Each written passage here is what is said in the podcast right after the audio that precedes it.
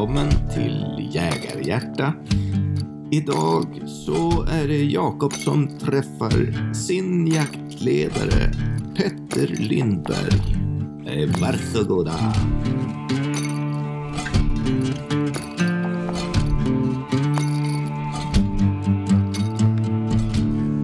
Två bröder ger sig ut på jakt efter vilt och all den kunskap och kärlek som behövs. Följ med till det innersta hjärtat av jakten. Välkomna till Jägarhjärta, en slags jaktradio.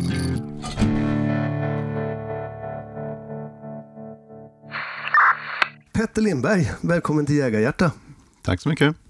Vad kul att ha dig här. Ja, Du bor ju alldeles i närheten. det stämmer. Vi är grannar i princip, om man tittar fågelvägen i alla fall. Ja, verkligen. Vad kan det vara? Det är några hundra meter, eller en kilometer kanske? En kilometer knappt kanske. Ja. Tillräckligt för att min katt ska gå och hälsa på dig och gå in i ditt hus i alla fall. ja, vi sa det. Katten hade varit hälsat på, men inte du. Ja, precis. Det är premiär nu. Ja, ja det är roligt. Ehm, kan inte du eh, presentera dig lite kort sådär? Vem, vem är du och vad, vad gör du? Mm. Ja, Peter Lindberg var namnet som sagt. Ehm, 43 år fyllda. Eh, Född och uppväxt i Sunne, mm, inne i downtown Sunne då, stora staden. Eh, Och eh, bor nu sedan ett antal år tillbaka i Rottneros, mitt i skogen. Ja, ja du gör ju verkligen det. Ja. Nära till skjutbanan har du. Närmsta granne. Ja.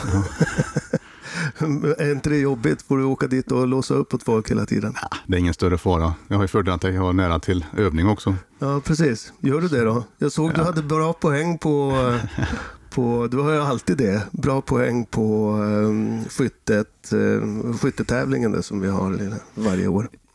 Ja, eh, det är väl någonting som jag inte kan egentligen komma ifrån. Jag är egentligen uppväxt på en skjutbana med min far som var tävlingsskytt. Och sen Okej. då bor så pass nära eh, även då skytte. På, vilken, på vilken nivå? Tävlingsskytt alltså? Ja, han tävlingssköt och framförallt eh, lerduvor. Eh, så att eh, de vann ju SM ett år, eh, bland annat i, i Ekartorp då. Va, vad heter han? Gösta Lindberg heter han. Mm. Ja, vad, vad roligt. Är du också bra på uh, hagel då, eller? Ja, inte som han var, men eh, på något sätt har jag väl kanske ärvt lite känsla, men det, det handlar ju mycket om träning också. Så att, eh, för att nå den nivån så då måste du ju träna eh, flera dagar i veckan, så är det bara. Och det, Ja. det gör jag inte, men eh, grunderna har man ju fått tidigt. Eh, så alla, alla våra semestrar med familjen, det var ju där det var SM i, i lerduveskytte egentligen. Där hade vi vår semester. Husvagnen på och så var vi där. Okej, men, ja, men, men kul. Vilken, från vilken ålder var det här då? Ja, det är ju så, så länge jag minns egentligen fram till ja, någonstans upp i, i tidigt tonår som han var aktiv då, tävlingsskytt. Ja. Så det, det är lite, lite bakgrunden just om skyttemässigt också. När, när tog det liksom... Eh, när tog det fart för dig? När kände du att, eh, men det här, alltså att du ville sy- syssla med jakt och med... Eh, så här, kom skyttet först eller kom jakten först? Det var nog både och egentligen med tanke på att jag fick ju följa med också i tidig ålder ut i skogen och eh, ja, se vad naturen ger och tar egentligen. Eh, Med tanke på att vi, vi hade då eh, marken också mitt i det jaktområde som du, som du också verkar inom nu. Eh, Så att det kan jag inte säga att var som kom först, utan det, det var nog en naturlig del in egentligen. Det var, det var egentligen så som familjen levde egentligen. Det var, det var, det var mycket jakt och, och dessutom då eh, tävlingsskytte under ett an- antal år också. Mm. Var det, ehm, eh, har du tävlingsskjutit också? Nej, det har jag inte gjort. Jag inte gjort. Eh, Så att just jaktmässigt, det som egentligen blev mer alltså, lärt via böcker och så vidare, litteratur, inte bara praktiken, det, det kom ju på högstadiet. Vi hade ju då mm, turen att eh, vi kunde ta jägarexamen på högstadiet. Precis. Och det var ju mm, extremt fördelaktigt. Det var många i min ja, åldersgrupp och den generationen som, som fick den möjligheten. Var det natur och fritid eller något sånt där som det hette tillvalet där? Nej, det hette nog faktiskt jägarexamen Okej, på den mm. tiden. Och det är ju förra årtusendet till och med. Så här, så att, Ja. eh, Jag är ju lite äldre än, än vad du är. Så jag, för mig hette det natur och fritid. Jag gick ju också det, alltså jägarexamen där. Och det är så vansinnigt att jag inte fortsatte. Men jag tog jägarexamen när jag var liksom 15 år gammal, men sköt aldrig upp. mm. Och, och liksom för allting, man skulle ju sommarjobba där på sommaren och så, så blev det inte sen. Mm. Men ehm, eh, du tog jägarexamen där och, och sköt upp. Ja, precis. Mm. Och sen var du ute i skogen och började jaga helt enkelt. Ja, mer eller mindre. Man hade ju den möjligheten hur som helst. För att det, det fanns ju, att, som nämnt, min, min far var ju inbiten jägare och hans närmsta kompisar också. Eh, så att det var ju en naturlig del. Så att det, det fanns ju alltid möjlighet. Eh, dock var det så att jag hade väl lagt mitt största fokus på eh, när jag var yngre och jag skulle bli hockeyproffs eller fotbollsproffs. Så att det var ju, det var ju sporten som, som gick i första hand då. Och sen när man insåg att eh, det blir ingenting till det här så då, då, då fanns ju alltid jakten och, och ja, ta upp igen då. Var du bra? Inte tillräckligt, det, tydligen. Det är ju tufft att, att komma upp på elitnivå sådär. Men Ja, ja, jag höll på också mycket med idrott. Det, Ja. Eh, det var väl det kanske som man gjorde för, förr i tiden. Nu känns det som att det, det finns så enormt många valmöjligheter. Men när man själv växte upp så var det liksom mm, de där olika eh, klubbarna som, som man var inne i. precis. Varför, varför jagar du? Ja, egentligen grunden till det är väl kanske jag har nämnt då, att eh, det har följt, fallit sig väldigt naturligt. Det, det fanns liksom från start i mitt liv, Mm. den möjligheten. Och eh, med tanke på att eh, skogen och, och eh, så vidare har, har varit en naturlig del utav, utav vår familj, så var det ju ganska så uppenbart att eh, bara fortsätta egentligen, utan egentligen, jag har inte haft någon större reflektion över det egentligen. Men eh, jag, ja, jag gillar ju naturen, jag gillar djur och viltvård eh, och har möjligheten. Dessutom så eh, sätter jag stort pris också på att man kan, kan ha viltkött som en resurs också. Eh, Så man går tillbaka när jag var uppväxt på ja, 80-talet. Jag är född 77 men vuxen upp på 80-talet och det var alltid älgkött på bordet och då tyckte man att det var egentligen bara, det var monotont nästan när man kom hem från, från skolan och det var älgkött. Mm. När man ser tillbaka på nu så var det en extrem lyx. Ja. Eh, så att, eh, ja, jag äter kött och det gör resten av familjen också. Och då anser jag att det, finns inte så mycket bättre sätt att, att få den råvaran än att vara ute i skogen och veta hur, vad som händer och sker med, med det som sen ska, ska ligga på tallriken. Precis. Så det är mycket, liksom, er ingång från familjen har varit att, att få mat på, på bordet helt enkelt. Förutom den som vi ju förmodligen, de flesta jägare ändå känner att man tycker att det är spännande och man får adrenalin och man, man, liksom, man kommer ut i skogen och de här grejerna, de är ju, de är ju ofta eh, samma. Men, men vi har någon teori, eh, jag och brorsan, när vi har pratat om det, att, att eh, en del av, av de eh, vad ska man säga, olika åsikter som folk får angående jakt kommer kanske ofta på grund av att man jagar av olika anledningar. Mm. Jagar man för att sätta mat på bordet så är det en sak. Jagar man för att freda sin gröda så är det en, en annan sak. Mm. Och, och då blir liksom diskussionerna eh, eh, också, de blir beroende på vilken ja, var, man, var man kommer kommer- ifrån helt precis. enkelt. Var, vilken anledning man jagar. Mm.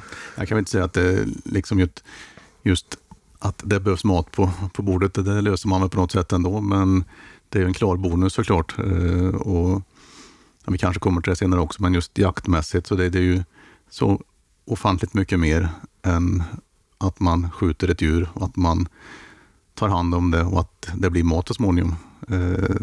Tittar man på vilken tid det tar jämfört med hur mycket tid det tar i övrigt när man då eh, ja, identifierar sig som jägare och även att, att folk vet om att man är jägare. Så åker man på x antal uppdrag då runt om också. Det kan vara nu som i under september månad, då tar vi hand om, om eh, mycket frukt inne i Rottneros villastad här och kör ut till skogen, eh, till djuren då, för att de inte ska gå in i samhället och äta helt enkelt.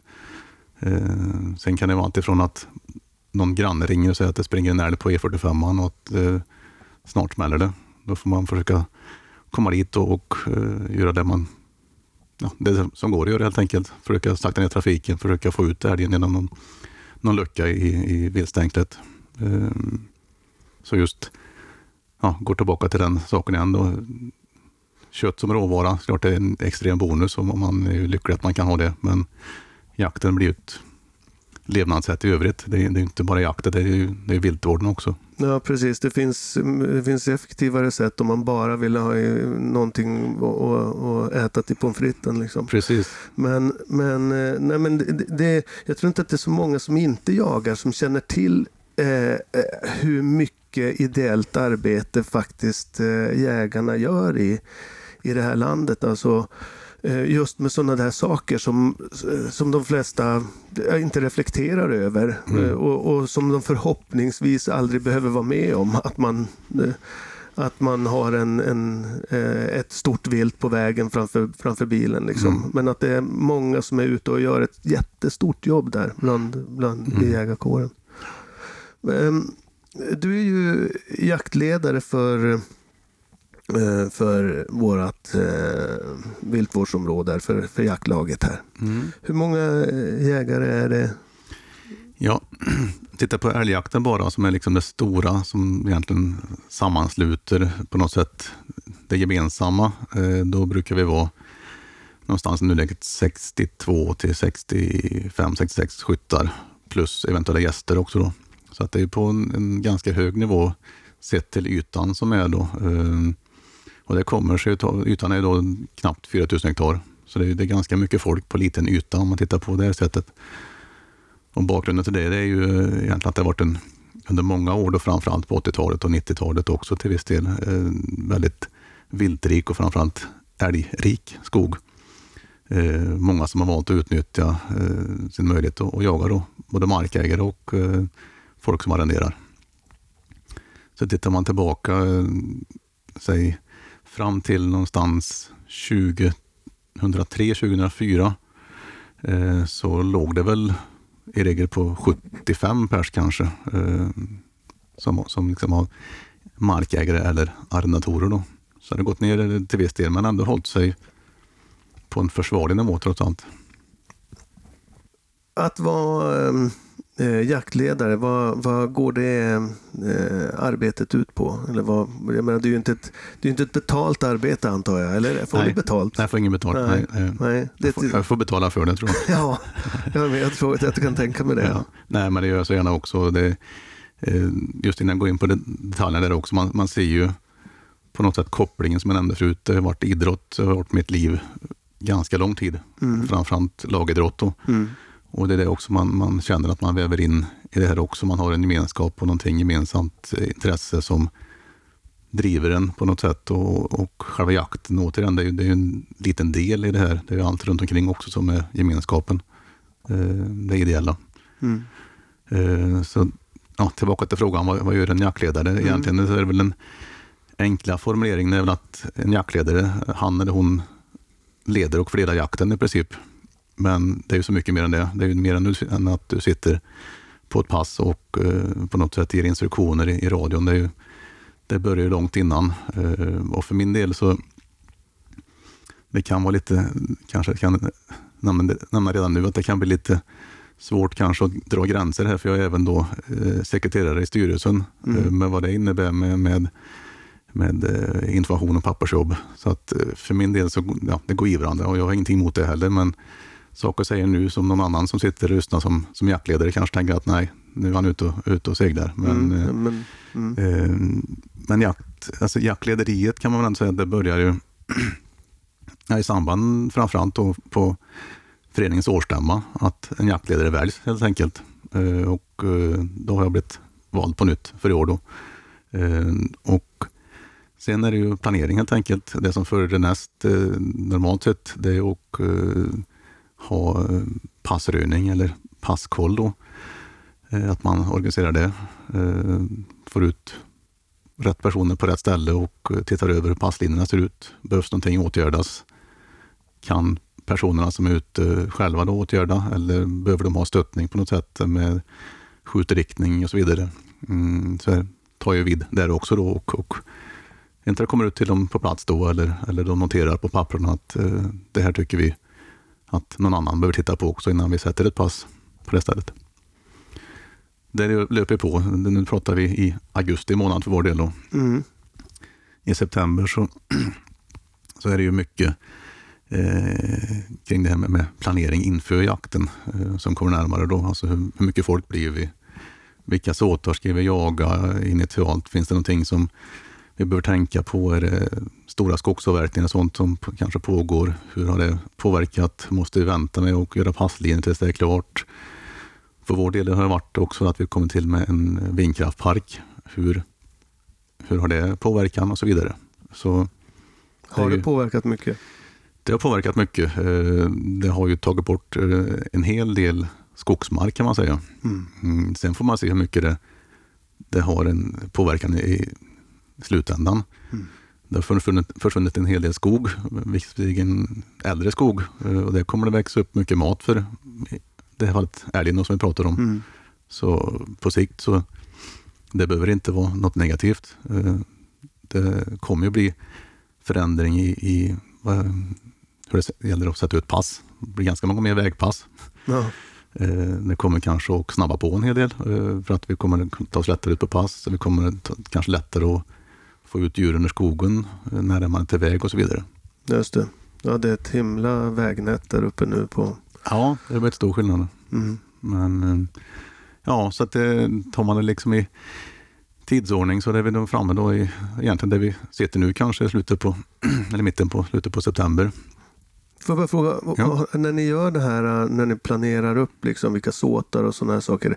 Är det du framförallt som gör, gör du det själv eller samlar du ett, jag säger ni nu innan jag, redan, innan jag ens har, har frågat frågan, men eh, eller samlar du några stycken som är, är erfarna jägare och gör det ihop med dem eller hur funkar det där? Det bygger på mycket historia också. Vi, vi jobb, jagar ju i princip på, på samma såtarområden eh, som har gjorts kanske i 30-40 år. Bygger ju i regel på hur skogsvägarna har varit byggda och vilka skiften som ligger vart. Vart gränserna går till, till grannlag och så vidare. Då. Så att eh, i grund och botten så använder ju sånt som var gjort kanske för 30-40 år sedan i, i princip. Men då justerar eh, nästan årligen på allihopa beroende på hur skogen då har på något sätt förändrats. Eh, och sen är det också att titta på hur många passkyttar vi beräknas vara på jakten. Och eh, därifrån då alltså bestämmer hur många pass vi behöver ha i, i, varje såt kan man säga. Och vi ska nämna det också i vårt lag som, som jag var inne på förut, vi är över 60 personer. Mm. innebär att vi också delar upp i, i två sektioner, för det, annars kommer det vara, det, det går inte att hantera. Så att, förutom mig själv då, så är, är ju även Erik Magnusson eh, eh, jaktledare också. Då. Mm. Så vi delar på ansvaret. Just det. Och tar ni, har ni liksom då att ni sitter gemensamt och pratar så om, om eh, saker? Eller? Ja, det gör vi. eh, Kanske inte i formell mening, men vi hörs ju väldigt ofta eh, och stämmer av sinsemellan. Så det, det är en, ja, en levande diskussion kan man säga. Ehm, eh, och sen då, nu går vi in i oktober och närmar sig och närmar oss liksom älgjaktstart. Är vad, vad sker då? Ja, då har vi haft eh, samrådsmöten med, med kringliggande lag. Vi har haft avstämning inom älgskötselområdet och satt eh, vilken tilldelning eh, som gäller då för, för oss i grundläget och haft våra åsikter som vi ofta har på, på den tilldelningen då, eh, och fördelning också vilka typer av djur som jakten då ska, ska fokuseras mot. Eh, och sen är det ju i princip då och eh, uh, hålla sig ajour med, med styrelsen eh, och eh, ja, övriga funktionärer, hundförare och så vidare. Alltså hur är läget, hur många hundar kommer vi ha på respektive sektion? Spårhundar, hur är det med dem? Är, de pigga och krya? Och sen egentligen vänta in att, att dagen kommer när vi står på på måndag morgon där. Nu blir det ganska annorlunda i år då, med tanke på att eh, vi är så pass många så vi kommer att in, inte kunna samlas hela laget då. Eh, första gången på, ja, någonsin egentligen, eh, med tanke på corona-situationen Okej, då. ja, det, blir, det är så ja. Det, det, till och med där så Mm. är det Så är det. och... Så att annars så samlas vi alla på, på måndag morgon där. eh, Alla, ja, kanske 65 70 pers om det är reste med också. Och kanske nå- någon som sitter med på pass. Eh, Men det, det går ju inte nu. Eh, Så att vi delar upp det Norra och södra. norra södra från start. Då. Och där kommer ju utmaningen vara att få ut exakt samma information till, till båda två. Mm. Eh, Så att i vårt fall gör vi så att vi, vi kommer att samla jaktledning och styrelse på norra först då, klockan sju på morgonen. Att man drar allting vad som gäller. Sen är det samma gäng då med jaktledning och, och styrelse som tar det för Söderänget en halvtimme senare på en annan plats. Ja, just det. Det är nog bra det, ja. Ja, Mm. man ska ha respekt för, för situationen. Det, det, det är inte mycket att, att göra åt det. Alltså det. Det finns ju sätt att lösa det på för vår del. Så att, Mm. Just det. Och sen då, oktober, ehm, fortsätter, det fortsätter hela året förstår jag. Där, där. Men det, jag antar att det är högsäsong där liksom. ja, så är det ju. Ehm, Och eh, det, det är ju kommer sen också hur mycket vi, vi, vi, alltså tilldelningen har ökat hos oss här. Då vi kanske kommer för anledning att komma tillbaka till det senare också, eh, vad det, eh, vad det beror på. Men eh, eh, troligtvis då så efter vi jagat första veckan, vi börjar ju andra veckan i oktober med jakten då, eh, andra månaden i oktober.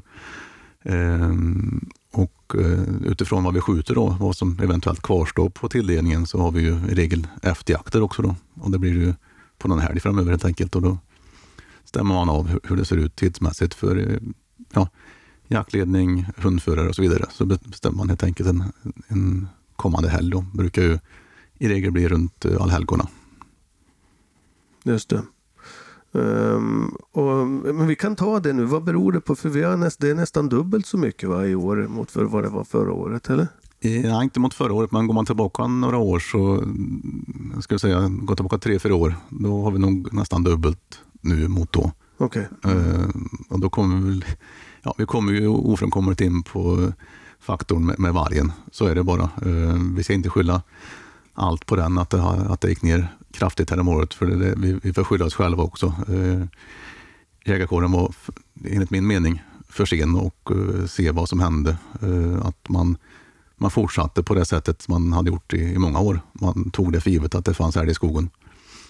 Eh, men då när när faktorn vargen kom in i bilden också så, så det, det slog undan rejält. Vi hade ju här hos oss på vårt område en, en familjegrupp på, på tio vargar eh, plus vad vi tror det två, tre ytterligare vargar som strök runt i utkanten. Och det är klart att då går det undan. Mm. Har, har man haft olyckor med, eh, med eh, slagna, eller med att vargen har tagit hund och sådär för i det här området också? Ja, det var ju så det som hände här tyvärr. Att just de här vargarna, den gruppen som jag pratade om, då, de, på, på tio, kallades för Rackstadreviret. Ehm, de började på aktivt jaga hundar och äta hundar, eh, vilket blev då deras, ja, det blev dödsstöten för dem helt enkelt. För att eh, då var det så att Länsstyrelsen eh, till slut sa att det här räcker nu, det, det blir skyddsjakt på de här vargarna. För det här, det här går inte att, att man aktivt jagar hund och äter upp hundarna. Då. Nej. Så att då försvann det, ju den gruppen i princip. Eh, det sköts ju på skyddsjakt runt om. Det var inte bara på vårt område utan det var ju ett stort område. Det var ju någonstans runt eh, 20-30 000 hektar tror jag som, som det området innefattas då man fick jaga de här varandra på. Eh, så de försvann efter en stund där. Och därefter då så ser man ju att det blivit en, en klar förändring. I kombination med då att, att då hade man ju insett eh, i jaktlag runt om att, att det här med att bete sig som man gjorde förut och skjuta eh, ja, li- lite fel djur helt enkelt på älgarna. Då. Om man vill ha en, en varaktig älgstam så får man tänka på vad man skjuter för djur också. Vi kan ju faktiskt välja vad vi skjuter. Det, Vad- det gör inte vargen. Den tar... Det, eh, jag, Det den kan ja. den tar, ja, och, Mm. säga det också, jag, jag är absolut ingen varghatare utan den, den beter sig på det sätt som, som den kan. Den ska ha mat. Det, Mm. Så är det bara. Eh, Däremot systemet runt om kan jag ha åsikter om, men det, det kanske vi inte ska gå in på djupet här. Men, men jag tror att många känner som jag. Det finns liksom inget grundmurat varghat. Det är inte det det handlar om, utan det, är just systemet som, som på något sätt känns tokigt för vår del. Mm. om man ändå går in på det med, eh, eh, med varg, vad är det man skulle, vad är det som är fel med systemet? Digging, digging for dirt, digging. Digging, digging for dirt, digging. Shovel. Vad är det som är fel med systemet enligt dig? Ja, systemet bygger väl i grunden på att det ska vara x antal vargar eh, i Sverige. Och där finns det ju ett beslut på vilken nivå det ska vara på. Och det får man ha respekt för, det är ju fattat i, i riksdag. Eh, så jag har inga problem med det. Problemet är bara att det blir för hög koncentration på för liten yta. På Eh, vissa ställen? Ja, precis. Och då blir det ju, alltså, det, det, det säger sig självt att det, det, blir konflikter. Och vissa har inte problem med det, vissa har problem med det. Mm. Och eh, jag själv har liksom inga tamdjur förutom att jag har hund och, och katter. Och det är klart att det är mina tamdjur. Och det, det finns ju alltid en risk på, på alla sätt och vis för det. Det finns bilar och det finns andra saker. Däremot så är det faktorn också med, med vill man ha ett, en levande landsbygd med, med eh, djurhållning och så vidare. Det, det är där problemet blir ofta också då, eh, att det blir konflikter helt enkelt. Mm. Så det, det har, in- har inte någon direkt jaktlig eh, påverkan på det sättet utifrån den aspekten. Men däremot kommer man ju återigen till det med, med risken för, för att släppa hundar. Eh, man hör ju ofta att det sägs då att eh, ja, det, det pekas finger mot jägarna. Hur kan ni släppa en hund i vargrevir? Ni vet om risken. Då blir ju frågan tillbaka, vart ska vi släppa en hund? Det, alltså det finns ju vargar i princip överallt om man tittar på, på vårt landskap. Och det kan man välja, alltså man väljer att ha hund och man väljer att inte ha hund. Och jaktmässigt, men eh, drar man ett varv till då, eh, det, det, det är ju, ska jag säga, det samhälle vi har är beroende på att det finns jägare och att det finns folk som blir utringda mitt i natten och går på eftersök och ska förkorta ett djurs lidande. Jag tror ingen har någon åsikt om att, att man vill på något sätt komma efter ett djur som är skadat och försöka helt enkelt få en kulle så fort som möjligt. För, för att, Du, du menar de, när de är trafikskadade? Ja, eller? precis. mm. och eh, hur, ska, hur ska man se då, hur ska en sån service som ändå görs i samhället. Eh, jag läste, eh, jag tror idag stod det väl att eh, i snitt så in, inträffar det en, en viltolycka var åttonde minut i Sverige Mm. som det rings ut eftersöksägare på. Mm. Hur ska man då ha den möjligheten att kunna träna hundar för att gå efter det, det viltet? Det, det är en intressant fråga om man då inte kan släppa en hund. Verkligen. Så det vart ju så, om man går tillbaka några steg igen, här, de, är- de här Rackstadvargarna som var, alltså som aktivt jagar hund. Man såg ju, eh, det fanns ju vittnesuppgifter gång på gång att hund skällde och den kom vargar springande över, över vägarna i riktning mot det skällde. Och jag skulle inte vara jättepepp på att släppa min hund på för att få stopp på ett trafikskadat vilt när man vet att det finns sådana vargar runt om.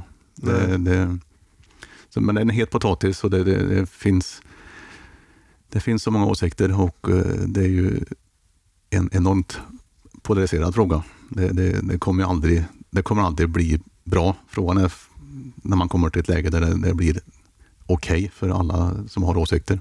Mm. Det, det ska säga, det, det är nog en av de absolut största frågorna eh, just för att, för att hålla eh, alltså, vår, vårt intresse och vår, som jag nämnde ut också, service runt om vid liv eh, och kulturen inte minst. Då. Det finns ju fall där, där folk i, i Värmland har blivit nekade att köpa hundar utav vissa ställen för att de som har fött upp hundarna eh, vill inte att de ska jaga i Värmland. Nej. Ja, det får ju enorma konsekvenser för, för allting. Och det, det är som du säger en jättehet fråga. Och, och många har, man, man har... Det är lätt att hamna på ytterkanterna i, i båda de här. Både för att man vill ha en rik fauna, det är väl det det handlar om å ena sidan. Alltså där, man, där man känner att eh, det här måste också få finnas i våra skogar. Liksom. Ehm, och, och ibland så ser man inte att en, en rik fauna också eh, kräver en reglering liksom av vilka individer som, som kan få Ja, precis. eh, Och tyvärr så, så är det ju de här ytterligheterna som du nämner, alltså ytterkanterna på både som, som vill ha vissa typer av djur kvar och vissa som, som hatar Mm. Det är de, de olika ytterligheter som, som hörs i media och får plats i media. Eh, och det är väl det också man har misslyckats på något sätt att få med sig ja, sådana som oss i lokalbefolkningen eh, på tåget. Alltså på något sätt få en förståelse. För nu, återigen, det, jag skulle inte säga att det, det finns speciellt många som, som hatar vargen, men man hatar att man inte har någon form av bestämmanderätt i det hela. Man, man, är, man är drabbad eh, på olika sätt. Och det får man också ha respekt för att eh, folk har, har haft det här hotet eh, över sig så länge att man har känt att man blir begränsad. Man har bosatt sig ute på landsbygden utav en anledning. Man vill kunna nyttja sin egendom. Man vill kunna ströva i, i skog och mark eh, på höst och vinter och ha kanske hunden springande intill. Eh, man kanske vill ha får ute på, ute på gärdena. Eh, och det, det är väldigt sällan det händer, det ska vi vara medvetna om. Men risken finns alltid där och den känslan som folk har, eh, den är inte, den är inte till gagn direkt. Nej, och så, måste, så, så får man ju känsla av att när det då händer att det också måste finnas någon förståelse för, för vad det är som har skett och vad som måste göras då. Liksom. Så att det inte bara finns så fyrkantiga r- regler så att man inte kan ta tag i det. Då, liksom. det, det hade ju varit, den flexibiliteten hade ju varit ehm, kanske ännu mera, mm, kanske gett mycket, alltså också slätat ut lite granna eh, polariseringen Mm. om, om, där man hade kunnat finna någon form av förståelse om, om det hade varit lite mera möjlighet att påverka från olika håll Ja, liksom, i olika precis. sammanhang. Ja, det, det, jag har gjort den reflektionen på, det, på senare år att du kommer aldrig på ett möte med, med människor som håller på med jakt utan att det blir ganska snabbt prata om vargen. Och det är ju inte, det är inte bra. De man, liksom man sätter fokus på det. Det är framförallt inte bra för vargen själv, själv heller. För återigen, den, den gör inget fel, men den har också hamnat som en faktor i, i alltihopa och som, är, som liksom är väldigt tråkig. Ehm, så går man tillbaka några decennier, så då, när man träffades och pratade jakt, då var, var det liksom på andra, andra eh, premisser man, man diskuterar. Nu kommer man alltid ofrånkomligt in på, på vargen. Mm. Och det är tråkigt faktiskt. Men eh, det, det, det går inte att undvika. Nej, det är det. Och hur, hur eh, som jaktledare då när man får eh, de här, alltså jag vet inte om det finns så mycket kanske i, i, i vårat lag och sådär men men jag, jag antar att konflikter av olika saker, det måste ju hela tiden dyka upp. Alltså folk har olika åsikter, det behöver inte vara om just den här frågan, men i, i olika frågor så måste det vara en, en grej som man har att hantera som jaktledare. Hur, hur fungerar du i det sammanhanget? Ja, jag försöker aldrig vara på något sätt dömande. Alla har ju rätt till sin åsikt. eh, Och så länge man inte gör någonting brottsligt eller som går emot det som är bestämt eh, på, på föreningens stämma. Då, för det är, det är stämman som sätter liksom regelverket för, för kommande jaktår. De regler som är satta där, de, de ska respekteras. Eh, så, så är det. Men i övrigt, vi, vi kan ju inte gå in och styra någon, någon åsikt på något sätt. Eh, föreningen är ju medlem i Svenska Jägareförbundet, liksom jag själv är också. Och det finns det ganska tydliga riktlinjer hur, hur man förhåller sig till saker och ting. Eh, Så det, det är den linjen vi kör på också. Då. Mm. Men återigen, vi tvingar ingen att ha samma åsikt. Man är välkommen så länge man har jägarexamen, man har vapenlicens, man har gjort allting man behöver göra. Så då är man välkommen. Hur ska en bra jaktledare uppträda tycker du? Ja, eh, det handlar om tydlighet ska jag säga. Eh, på något sätt. För att det, det är ju det är ingen lek det här. Eh, utan eh, man sitter i skogen med ett, ett vapen som kommer och kunna döda ett djur. Det kommer dessutom därmed kunna döda någonting annat också. Och det är den situationen man absolut inte vill komma i. Att det händer olyckor med människor bland annat. Och det ska inte heller hända att man gör djuren illa eh, på det sättet att de går skadade. Utan man ska kunna ha en, en nivå på allting som innebär att eh, kommer det rätt djur i pass så ska det kunna gå snabbt för det djuret då och, och komma av daga. För det är det, på något sätt det som är ute, eh, som, som, som vårt uppdrag är också då under jakten att hitta rätt form av djur och sen göra det som ska göras då så fort, så fort det bara går. Eh, så tydlighet och ja, pränta in ständigt då att det är säkerhet som gäller i första rummet. Eh, Det är ju, ska jag säga, det uppdraget eh, nummer ett. Mm. Plus såklart alltså att rätt information kommer i rätt eh, tillfälle. Och då kunna ta alltså beslut på, på det sätt som behövs också då i, ja, när man väl är igång och jagar. Det kan ju vara att det blir någonting som, som, som sker då, att det blir en, en skadskjutning. Det, det är ofrånkomligt. Vi, vi, det kommer aldrig komma eh, ifrån det jaktliga. Har man, har man någon gång jagat, då, då vet man att eh, det, det finns saker som kan påverka eh, på något sätt. Det, det kan vara en gren som man inte ser som man borde ha sett, men som förändrar kurbanan och det blir ett skott som tar där man inte hade för avsikt. Och så vidare. Eh, Och att man då därifrån eh, får rätt information, tar de beslut som, som krävs helt enkelt och eh, får ut informationen vad man ska göra som ett lag därefter.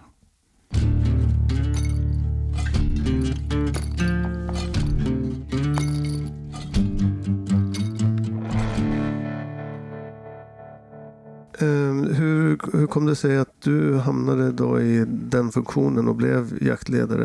Hur länge har du varit det? Här? Jag har varit jaktledare sedan 2010. Tio år nu då? Tio år nu, ja. Precis. Så, ja, förhållandevis ganska ung då, eh, trots allt. Alltså 33 år var jag då. Eh, Så ja, egentligen den, den frågan går väl tillbaka kanske till de som, som tyckte att jag skulle passa som jaktledare. Men jag har ju gått, som jag nämnde förut, i hasorna på, på min far då, som var jaktledare under många år. Eh, sen eh, när han slutade så tog en, eh, en nära vän till honom över och eh, gjorde det med han också då under eh, någonstans, vad kan det ha varit, 10-12 års tid kanske. Och eh, ja, jag umgicks mycket, mycket med honom också. Då lärde mig mycket och eh, såg upp till, till de kunskaper som, som, som fanns då i den äldre stammen.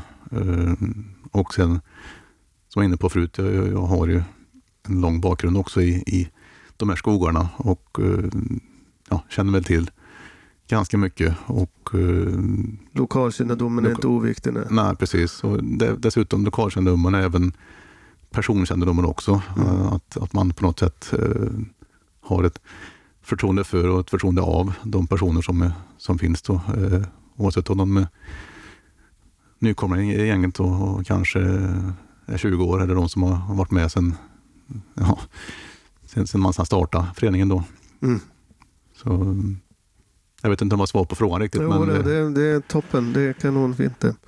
Ehm, va- eh, hur tänker man när det kommer någon ny eh, till laget? Vad, vad vill man att en, en eh, ny jägare ska, ska, ska kunna? Och hur, hur ska en ny jägare uppträda när, när man kommer till ett nytt eh, jaktlag? Mm. Det skulle jag säga. Det är kanske skillnad på en ny, ny, alltså någon som är helt ny för jakten kontra någon som är ny i laget man jagat på andra ställen. Om man tar det förstnämnda då, eh, alltså om det är en, en helt nybakad jägare kanske som har precis tagit examen, skaffat sig vapen, ursäkta, skaffat vapen och uh, allt det där, uh, fått mark att jaga på. uh, så ska jag säga att det första, alla är, ju, är vi ju individer och beter sig på olika sätt, men ödmjukhet, eh, det skulle jag säga, det, det, det kommer man långt med.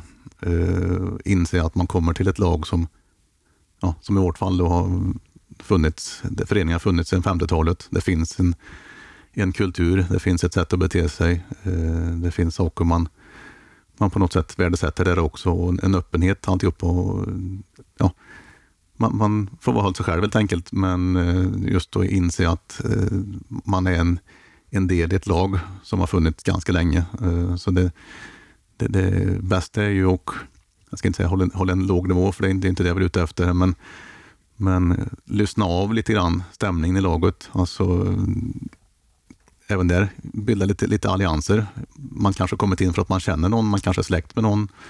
Eh, hålla sig liksom lite, lite ajour vad, hur snacket går för att på något sätt komma in i gänget på ett bra sätt. skulle Jag säga. Och även där så kan man ju se eh, man får kanske en känsla av vilka personer är det här som jag känner att eh, de kan jag lära mig av.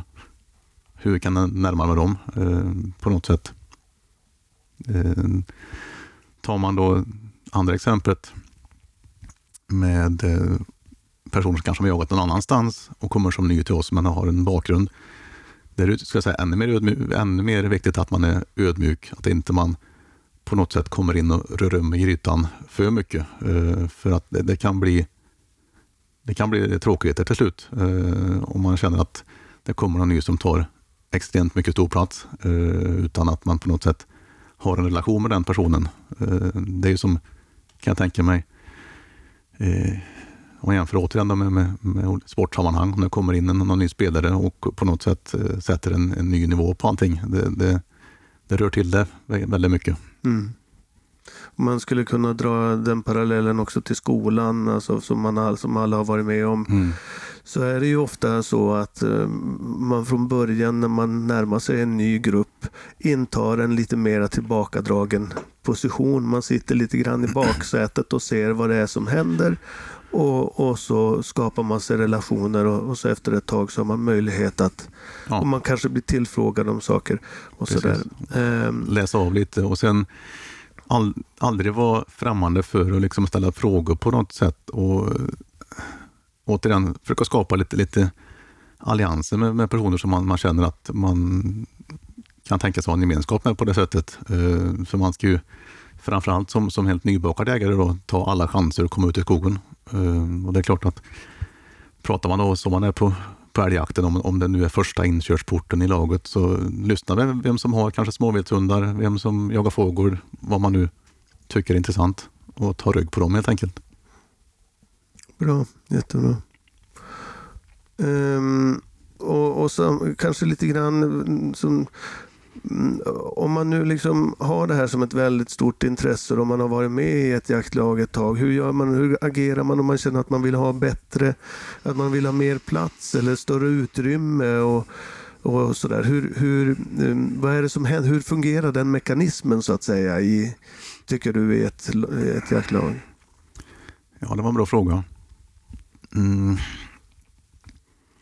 Det finns ju ett antal olika funktioner trots allt i ett jaktlag också. Eh, om man nu vill ha en, en, eh, en, en position på något sätt och ta ett ansvar så finns ju alltid från de som har hand om, om eh, eh, skyttebanan, har hand om styckboden med, med städning och så vidare. Liksom att man är på tå där och erbjuder att jag kan hjälpa till om det är någonting. Eh, så man kan ju återigen vid stämmorna väljas formellt till en funktionär på något sätt.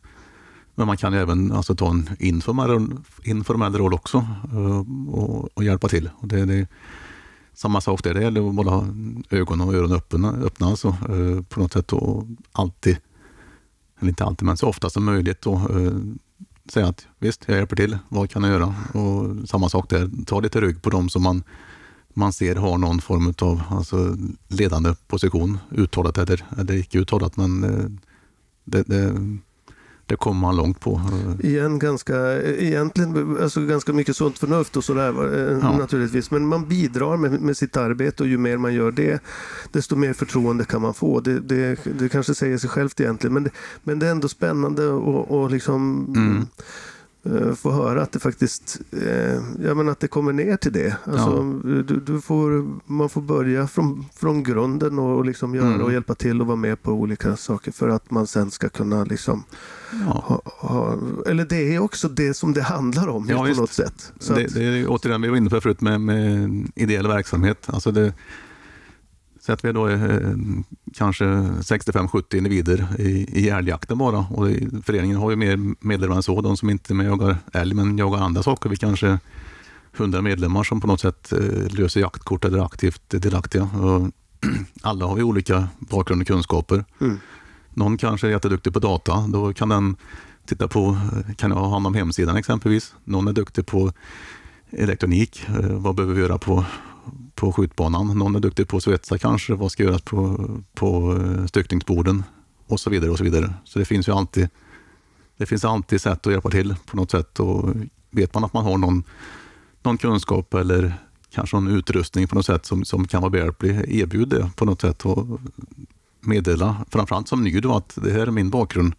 Om det någon, någon gång behövs den här, den här kunskapen eller de här eh, sakerna på något sätt, så säg till mig så, så hjälper jag till. Jättebra. Eh, Kan du säga något, vi har pratat om lite grann om sådär, men, men kan du säga någonting om, om skillnaden mellan viltvårdsområde och jaktvårdsområde och ÄSO och de här olika? Mm. Vad, vad, Ja, nu kan man få på tafsen igen, för jag har ju inte, jag har inte gått någon kurs på det här riktigt, men eh, jaktvårdsområde, det har väl spelat ut sin rätt helt enkelt. Eh, det försvann väl, om jag minns rätt, eh, så fann, försvann jaktvårdsområde som begrepp eh, för snart 20 år sedan i princip.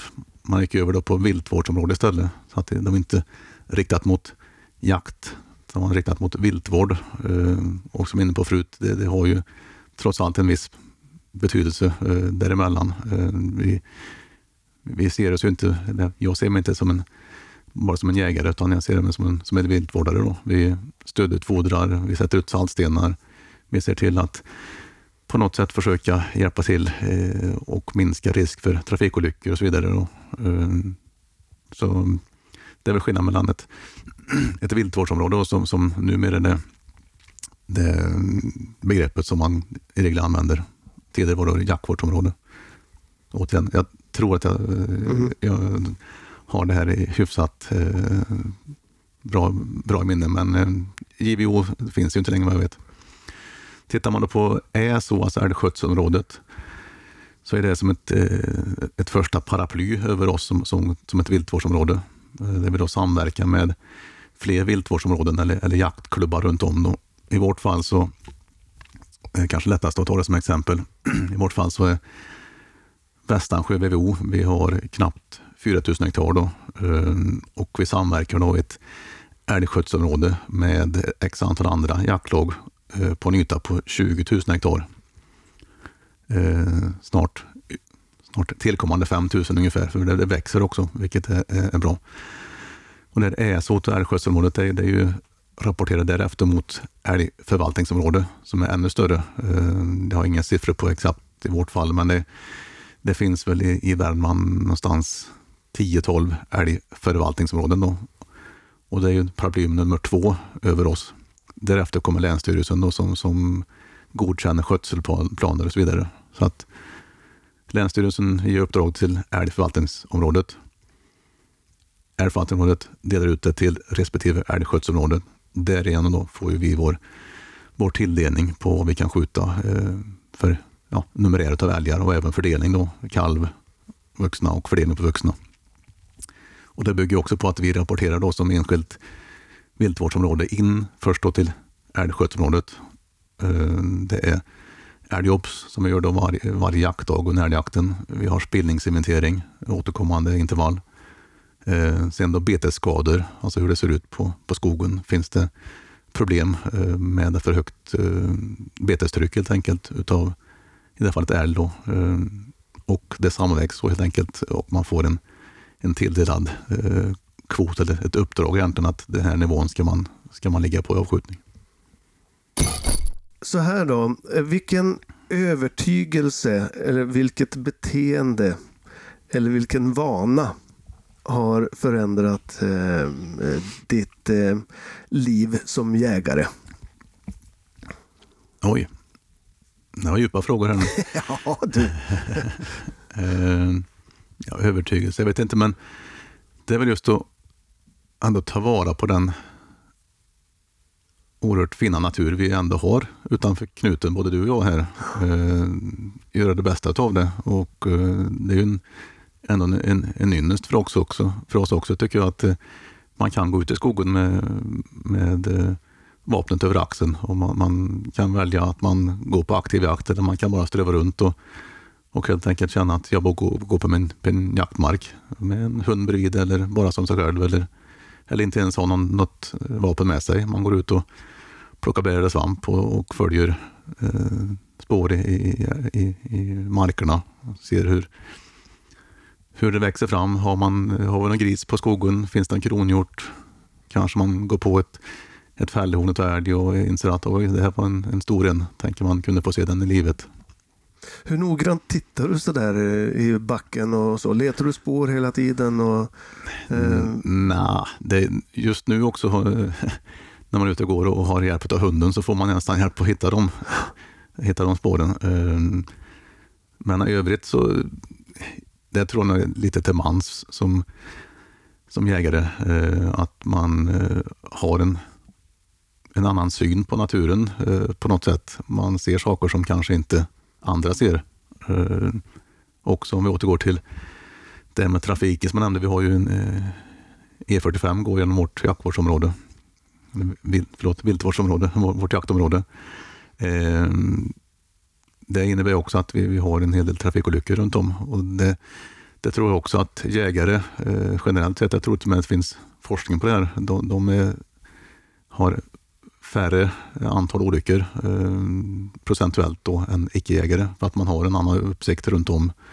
Eh, man, man förstår om det kommer man till till ett, ett område där det finns en, en, skogsdunge på var sida av vägen, då förstår man att okej, här är- här kan, det vara en övergång. passage. Ja. Mm. Ja, bra. Ehm, om du skulle ge bort en bok till en nybliven jägare, vilken eh, skulle det vara? Ja, är bra frågor här. Eh, Jag skulle nog säga att jag skulle ge bort ett, eh, en anteckningsbok, helt blank, men eh, så många sidor som möjligt. Jättebra. I den skulle man skriva kanske lite dagbok, skriva ner saker som man undrar över och kanske till och med när man undrar över den saken skriva ner vem kan jag fråga. Ta det tillfället i akt att man träffar jaktkompisar längre fram. Hur skulle du ha tänkt här? Börjar man med det som en nybliven ägare då tror jag att man har eh, ganska fint, en ganska fin eh, skatt framöver. Kan även vara nyttigt att kanske när man har jagat ett antal år gå tillbaka och titta. Eh, kanske kan vara till stor hjälp för nya jägare som kommer in i jaktlaget. Man kan relatera kanske enklare. Hur tänkte jag? Man kan kanske se hur en person då som, som är ny i jaktlaget då kanske funderar på om man kan ta en direktkontakt alltså, och ha en, en bättre förståelse. Det, det, Jättebra idé. Det, det där ska jag köra rakt av sen. Det är kanonbra. Också roligt att kunna läsa om. Det, alltså man kan ju också anteckna sådana saker som man tänker att man ska komma ihåg Precis. hela tiden. Men, men eh, liksom från jakten då liksom. Mm. Eh, både saker som man saker som man kanske har gjort något misstag någon gång eller, Mm. eller eh, och hur man hade kunnat tänka istället eller, eller bara berättelsen för att kunna njuta av den någon gång senare i livet. Ja, just ja, så var det när jag sköt mitt trettonde mm, rådjur eller Ja. vad det nu kan vara. Precis. Och, ja, det finns ju hur många tankar runt det här som helst. Men, men tänk dig att du, du, du klappar en, en jaktkompis på axeln eh, och säger att minns du för tio år sedan när du stod på samma pass och, och sköt det här, men då var det på tisdag, nu var det på torsdag. Mm. Han, han kommer få långa ögon, eller hon. Ja, verkligen. Ja, Så- Bra idé. Har, har du själv en sån bok? Nej, eh, tyvärr inte. Jag ångrar mig lite grann. Men att jag, jag, de första åren som, som jaktledare, då var det fortfarande ganska så hög tilldelning på, på älg, så det small ganska ofta varje drev. Och då förde jag liksom dagbok på pass, eller dagbok, jag för- förde notering på pass. Mm.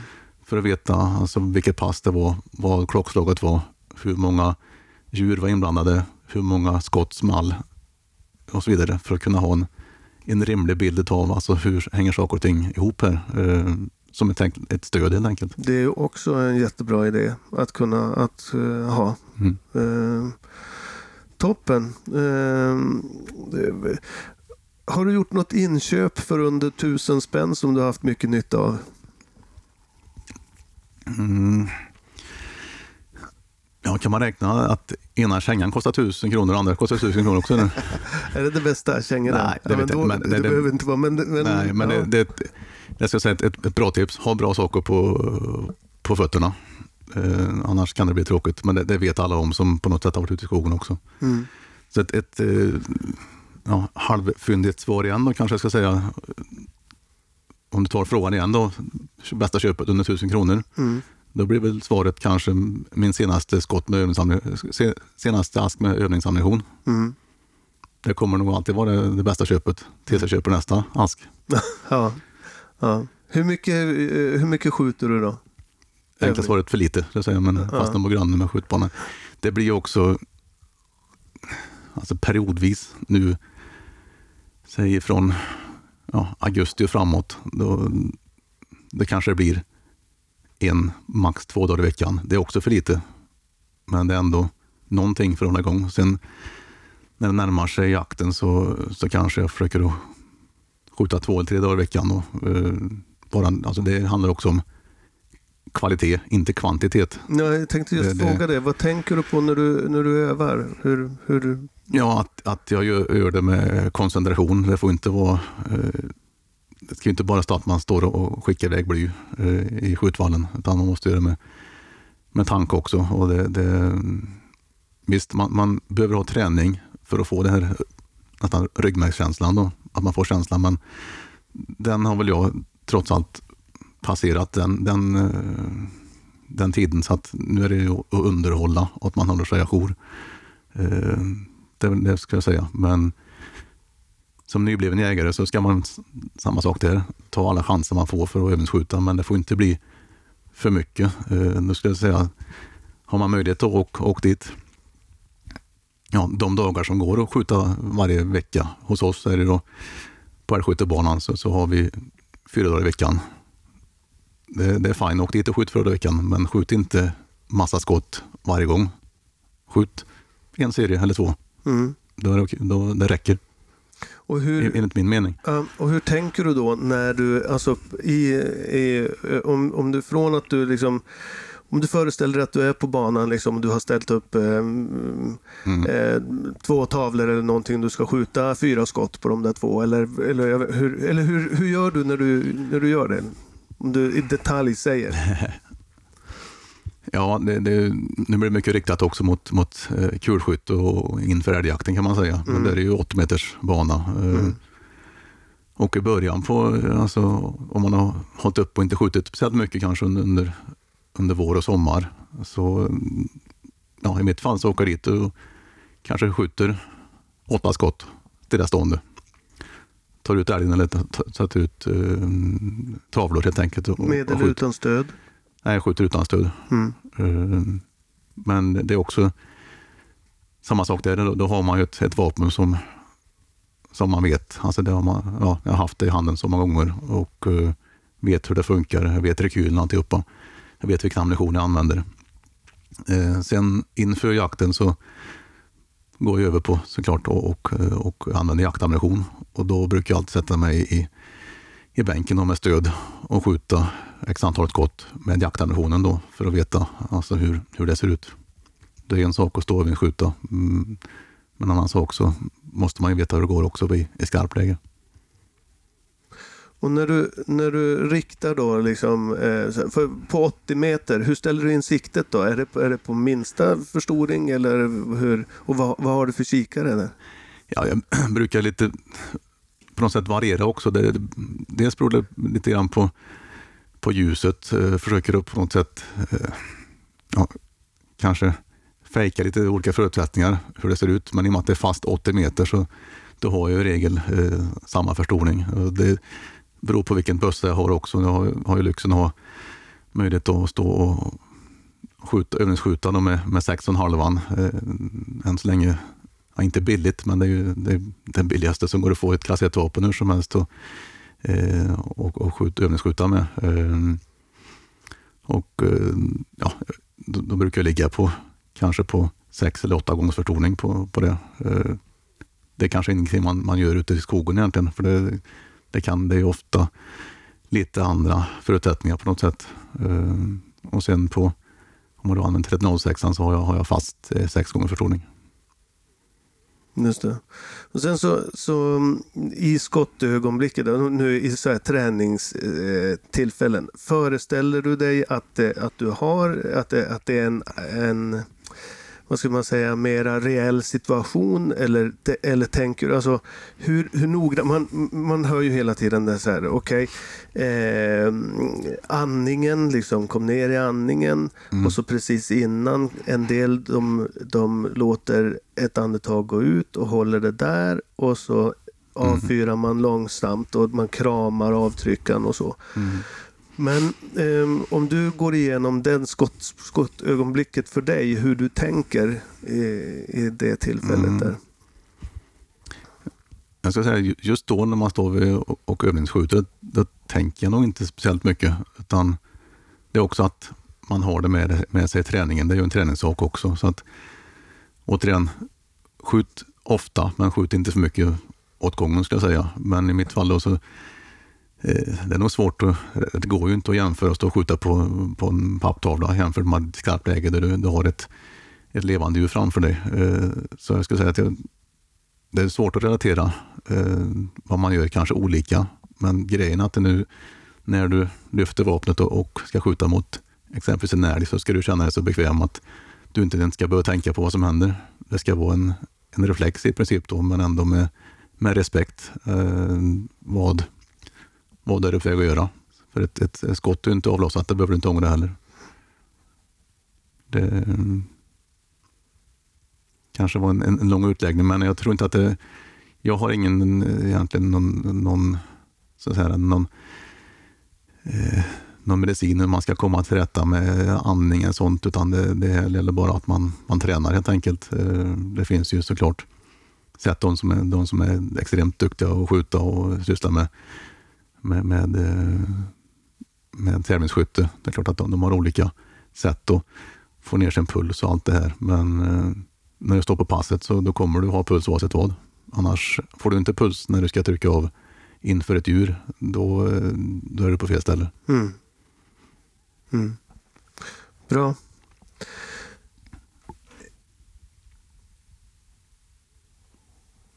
Vilken är den bästa investering i pengar, tid eller energi som du någonsin har gjort? Är det eh, skyttet?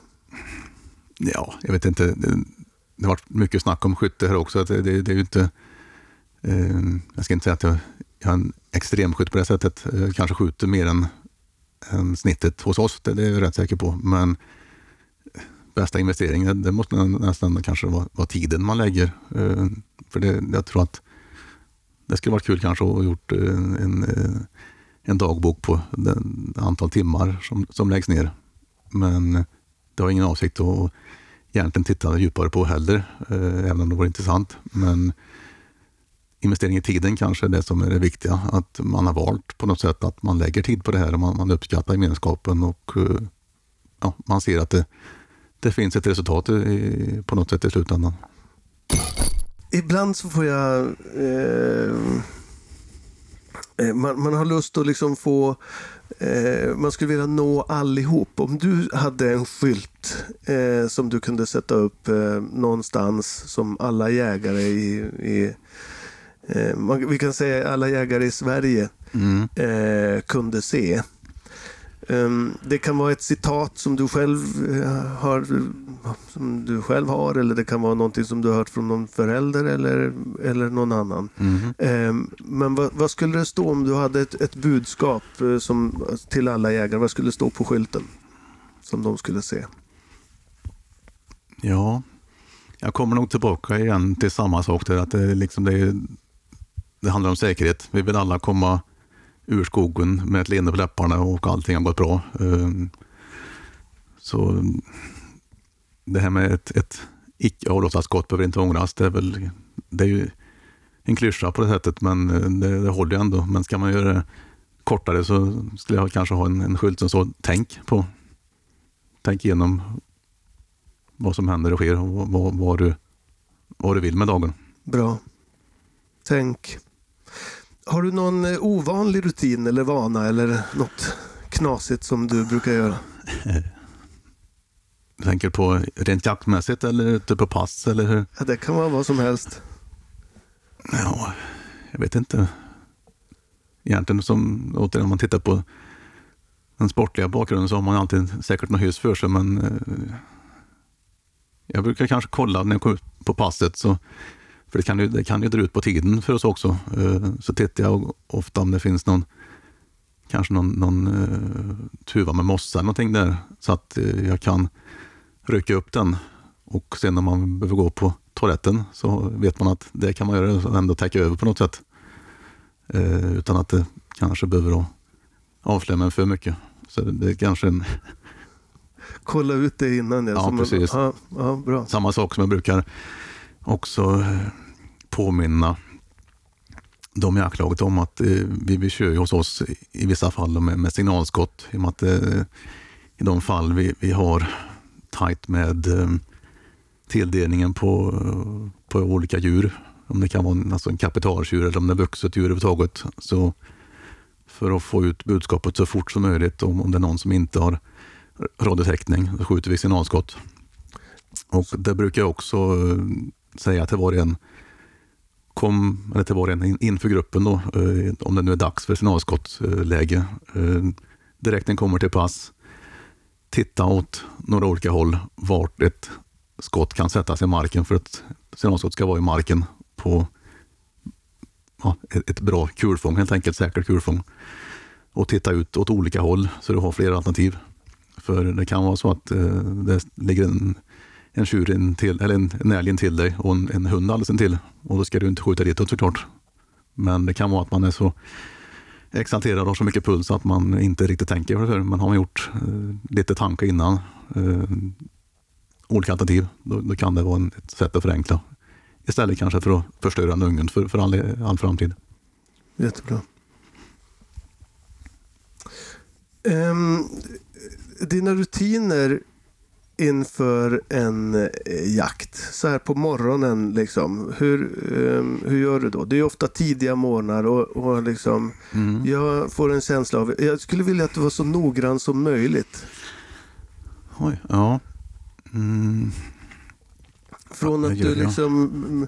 Vad, har du för, vad har du för väckarklocka? Har du en som ringer drrrr, eller har du eller vad är det för Ja, något? jag har någon, någon, det är på iPhonen, någon, någon standardvariant. Mm. Eh, Den, den, den eh, ringer och eh, troligtvis, förhoppningsvis under älgjaktsveckan så snosar jag inte heller, för det, det, det är jag ganska duktig på annars. Men då Ja. får man gå upp. Eh, och sen är det lite beroende på, ibland har jag, har jag gäster hos mig som bor då, som är med på jakten också. Och Det gäller att sparka upp dem också eh, på något sätt och tala om att okej, nu, nu får ni vakna. eh, För jag åker snart, för jag behöver åka regel lite tidigare än de gör.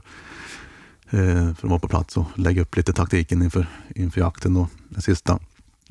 Men sen är det egentligen att ja, få på sig kläderna. Eh, Jag har gjort ordning allt vad jag behöver äta kvällen innan i princip. Eh, eh Även fyllt upp min, min termos med min favorit som är, som är fruktsoppa. Eh, Den jag redan värmt på så att det är bara att stoppa in i, i väskan om inte den ligger där redan. Eh, Ja, fyller på ryggsäcken med det jag vill ha med mig. Vad, vad är det då? Vad har du i ryggsäcken? Jag har eh, någon macka av något slag. Ofta ett kokt ägg eller två. Någon chokladbit. Och en vattenflaska. Hur packar du, hur packar du äggen? Skalar du dem eller är de Nej, nej, jag har dem skal på sig. Och i på, men i påse eller låda? Eller hur ska man tänka där? Nej, jag, jag kör eh, låda och sen när jag kommer ut på, på passet så eh, samma sak där, försöker jag hitta någonstans där man kanske har det lite, lite dolt det här ifrån, eh, ifrån vinden om man säger och vittringen. Och ser till att öppna den här plastlådan om det är lock på då direkt jag kommer på pass när jag ändå har gjort lite väsen av mig så att allting när jag kommer dit så är allting öppnat och klart i princip. Så att dockor kan ligga på lite grann men inte att man snäpper upp den. Samma sak med termosen, att jag skruvar av eh, muggen för att allting är förberett och klart. Så att inte man behöver sitta och pyssla med det. Nu, kanske i mitt fall då, när man är jaktledare och sitter och snackar radio eller telefon så ja, det Det är kanske inte så stor det skillnad. skillnad, kanske. Nej, men det är ändå bra att ha den rutinen ju. Det Ja. var smart. Alltså att skruva av locket på termosen och, och öppna de där förpackningarna direkt där. Ja. Det är väl Ja. klart att man ska göra så. Annars så, så har man ju igen ett eh, skede där det ska... Mm. Precis. Mm. Vad har du för typ av, eh, av ryggsäck? Stor eller liten? Går det att sitta på den? Den går att sitta på, ja. Det är, det är en ja, vanlig klassisk. Jag, vet inte, jag har inte ens köpt den själv. Det är arvegods i princip, så den har varit med ganska länge. Mm. Eh, Så, ja, men en stol på helt enkelt. Brukar i regel vara, vara fullpackad den. Eh, stora fickan också. Med, med, brukar alltid med mig en, en, en regnrock oavsett om jag ser att det blir regn eller inte. Men det, det kan vara skönt att, att sätta sig på om inte annat. Om man vill, vill komma från stolen kan man sätta sig eh, på, på eh, en stubbe eller vad som helst. Eh, lite extra kläder. Man brukar ha med lite extra eh, underställsjacka eller underställströja. Handskar. En extra radio. Jag vill inte vara utan radio som jaktledare utan jag har med en radio också extra. Eh, och sen min, eh, min perm som jag har alla noteringar i då med alla, alla pass och eh, ja, alla kontaktuppgifter också. Om ifall det ska vara någonting som, som inte har in telefon så, så finns de i där. Bra. Mm. Vilket är det största problem som du ser det inom ditt om, område? Alltså, mm, ja, det, nu är det ju jakten, men, men för dig som, som jaktledare, vad, vad skulle du säga? Vad är ditt största problem? Jag skulle säga att vi, vi är lyckligt lottade hos oss. Det har varit så under, under lång, lång tid. Eh, det har aldrig varit några... Även om det finns massa personer med massa olika viljor så finns aldrig några, alltså mig vet uttalade intriger eller, eller ovänskaper utan alla liksom vet på något sätt, ja, man har kanske släktskap, man har känt varandra genom familjen en lång tid. Eh, alla vet på något sätt eh, vilka alla är, har respekt för varandra. Så det som kanske kan bli en utmaning på sikt, det är väl just det här att få människor att fortsätta och inse att ideellt arbete, det, det tar tid. Ehm, så att man inte går torrt helt enkelt på ideella krafter. Nu känner jag också att vi har många unga hos oss som verkligen visar framfötterna och är med och hjälper till. Men på sikt kan det vara en utmaning. Ehm, det, eh, det, det gör sig inte självt och det, det, det, det gäller att hitta liksom sin, på något sätt sin, sin del i ett jaktlag också. Och som jag var inne på förut, att eh, kan jag bidra på något sätt, och hur gör jag det? Det finns ju de som bor långt härifrån. Eh, vi har bland annat en, en jaktkompis som bor i Danmark. Det är klart att han kan inte vara uppe hur mycket som helst, men han kommer ändå upp och röjer älgpass och, och med skjuter på jaktstigen och så vidare som vi har. Ehm, men det är också vad man har för möjligheter. Det, man ska inte döma någon utifrån hur mycket de är eller inte. Det är för alla har olika, olika liv som ska levas. Men eh, just att veta att eh, det ger sig inte självt i en ideell förening. Även om det är idrott eller om det är en kulturförening eller om det, om det är en jakt, eh, ett jaktlag. Det, Nej, verkligen inte. Hur skulle lösningen se ut om den var enkel? ja. Jag vet faktiskt inte. Det, det är helt enkelt att man, man eh, pratar om det eh, som vi gör nu helt enkelt. Alltså att folk inser att eh, vill man ha ett fungerande jaktlag, vill man, tycker man att viltvård är viktigt eh, på området, eh, då, då får man gärna hjälpa till på det sätt man kan. Ja. Att man tänker på det, man, man uppmärksammar det och gör det eh, eh, ehm, och gör det man kan hela tiden. Och, att, och, och, ja, och, det är ju så, i och med att vi är många så, så räcker det ibland med att man gör någonting litet. Liksom. Eh, och Så kan man få loss någon timme här eller där och göra någonting så är det Ja. väldigt mycket bättre än att man aldrig Nej, får, precis. får loss någonting. Liksom. Nej, som exemplet det här med, med, med passröjning eller passkoll. Eh, då har vi ju ett antal som, som hör av sig och säger att jag, jag kan inte just då, vi, vi har ju vissa tider vi gör det här, men att man ändå liksom räcker ut handen att jag kan inte de fasta datumen jag har gjort här, men ta gärna om vad jag kan hjälpa till i övrigt. När kan vi ta det? Så, så tar vi det då. Mm. Jättebra, jättebra. Det är en sån konkret grej. Mm. Eh, Om du fick eh, välja någon som du antingen känner eller som du tycker skulle vara spännande och intressant att intervjua. Vem, vem skulle du... Vem tycker du jag ska intervjua? Mm. Du tänker på den här i, kanske i, i närheten runt om oss? Ja, antingen det eller om det är någon, någon annan. Det, det är upp till dig. Men som Eh. vi på Jägarhjärta kunde. Ja, men det, då har jag nog ett, ett bra tips eh, från en, en person, eller bra tips på en person som, eh, som jag själv skulle gärna lyssna på lite längre. Mm. Eh, han heter Kjell Gustafsson, eh, Kjell i Råmyra. Eh, kanske känner till Skinn i Sunne, du som bor här i, i krokarna. Ja.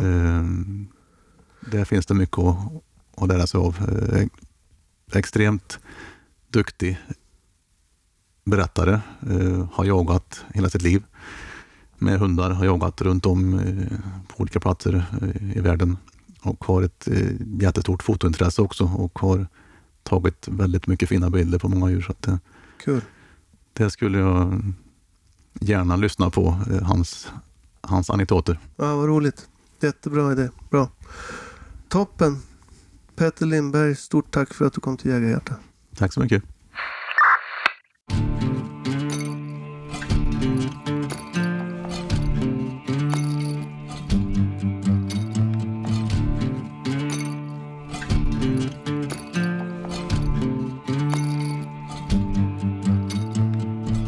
got a hunter's heart.